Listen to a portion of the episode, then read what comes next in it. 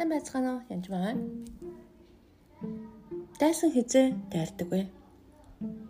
Маш олон хүнтэй ярихад сүнсний тухай, муу сүнсний тухай ойлголт маш бага байдаг л да. Би танд нэгэн түүхийг ярьж өгье. Би 2013 онд хүүхдээ гаргасан. Дөрөвд хүүхдээ. Тэгээд 12 онд хүүхэд минь хүүхдээ эмчэд үзүүлэх гээд очисон чинь жирэмсэн байсан үе. Доош оцуус алдаад маш хэцүү байсан үе.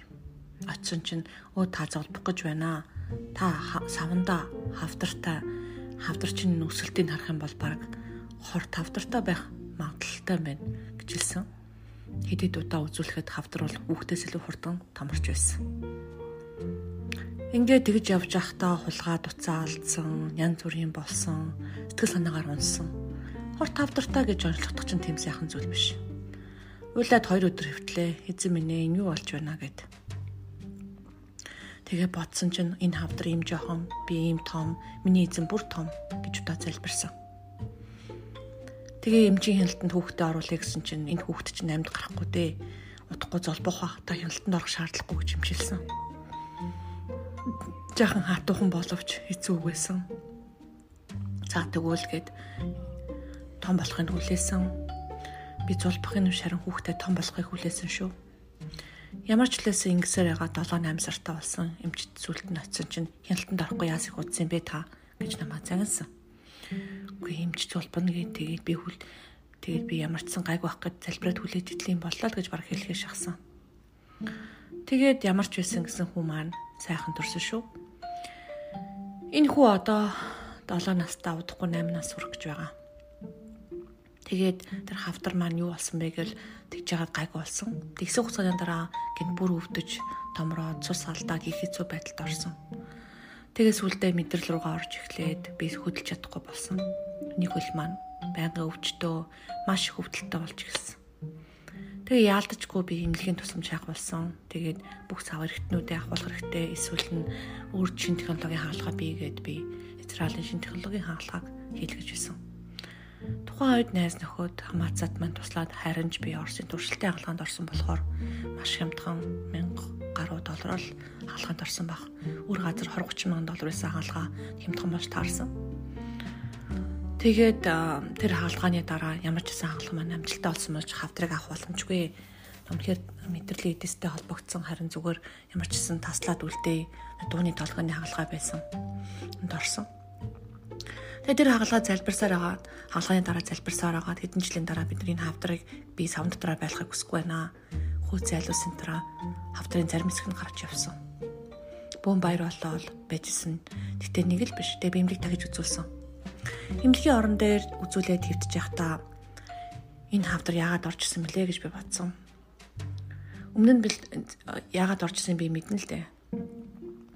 Харта дотны нэгэн хүн маань яг жирэмсэн байхад маш муухай үг хэлсэд би гомцсон. Чи одоо ийм хэцүү амьдралтай байж дахин дөрөв хүүхдээ гаргах гэж юу? Бити олон хүүхд цовуулж бити ядаргаа болоод бай гэл ер нь хэд хэд үгээр дормжилсан намайг хэл хэлэхгүй энэ хүүхд чи гаргаж болохгүй гэл. Би бид хоёр нөхөртөр үнэхээр тэр хүүхдээ хүсэж байсан болохоор тэр хүүхдтэй хайртай байсан. Тэгээ гаргахаа гэжсэн. Тэр хүмүүсийн зөвлөгөө сонсоогүй. Тэгээд л энэ баахан Тэгэхэд өвдөнгүүд л савнд нэг час гэдсэн тэр хавдар ус. Би тэр гомдлоос болсон байх гээл тэр их чигээ уучлаад л тэр хавдрыг хөөхөд л зөндөөл юм хийсэн. Байдаг бүх юм хийсэн. Дараа нь яг хэмнэлийн орон дээр байх үед бурхан надад хэлсэн. Энэ хавдрын гол зорилго нь юу вэ чи мэдхүү гэж хэлсэн. Мэдхгүй гэсэн чинь энэ дайсны дайрал байсан бөгөөд чамааг биш харин хүүхдэд чинь алах зорилготой байсан. Хүүхд маань зул булах гэж оролцсон хавдар байсан Инхээр миний хүүхд рүү дайрсан багнаад энэ хавдар. Миний хүүхдийн ирээдүг тэр хүмүүс үнэхээр чөтгөрөөд мэдж байсан гэсэн үг. Тэгээд төрхөөс өмнө дайрсан гэсэн үг. Чөтгөр үнэхээр хүний ирээдүг мэддэг бөгөөд эртхэн багаас нь дайрдаа гэсэн. Алах гэж оролддог хар баг наснаас нь төрхөөс өмнө. Тэгэхээр төрхийн хүндрэлтэй төрж исэн, баг настай өвдөж зовсон, олон өвчин зовлон туулж байсан. Үнэхээр нөхөс даагалгаануудад болон олон газруудаар орж исэн тийм хүмүүс байвал та нар өвглийн сүнсийг ёстой. Би өнөхөр энэ гомдол байна гэж бодоод цэвэрлээдсэн боловч гарахгүй байсан. Харин энэ үхлийн сүнс болохыг мэдсэн. Энэ сүнс харин над руу биш миний хүүхд рүү миний хүүхдийн ирээд рүү дайрсан. Миний хүүхд үнэхээр бурхан таартай бөгөөд том болоод пастор болъё гэж ярьдаг хүн л дээ. Ямар болох ирээдүйн би одоо хэлж мэдэхгүй. Ямар ч ирээдүйтэй байсан гэсэн ээж хүний хувьд, их хүний хувьд үр хөвгтэй хамгаалах үүрэг биднэрт байгаа. Тийм учраас эмч болон өөр хүмүүс үнэхээр өвчнийг л мэднэ. Харин тэр сүнслэг чөлөөлөлтийг бид нар сайн хийж сурахгүй болол хайртай дотны мөн хүн рүү хар баг наснд нь дайрдаг байх нь. Ихэнх сүнсүүд, муу сүнсүүдийн дайралтандаа хүүхэд байхад орж ирсэн байдаг. Баг насны хүчрхийлэл, аллаг, хүчин зовлон хүмүүсийн дээрлэл хэлэл гээд. Энэ бүх зүйлийг би өөрийнхөө амьдралын жишээ олгож танд ярьж байна. Тийм учраас та сүнснийхээ ойлголтыг сайн нэмэгдүүлээрэй. Тэгээд үхлийн сүнсийг Есүсийн нэрээр зайл гэж хөөж болно. Аа тэгээд мэдээж сүнснийхаа сэтгэмийг хэрэгэл сурах хэрэгтэй. Түнчлэн таны дотор хүн хүчтэй байх ёстой шүү.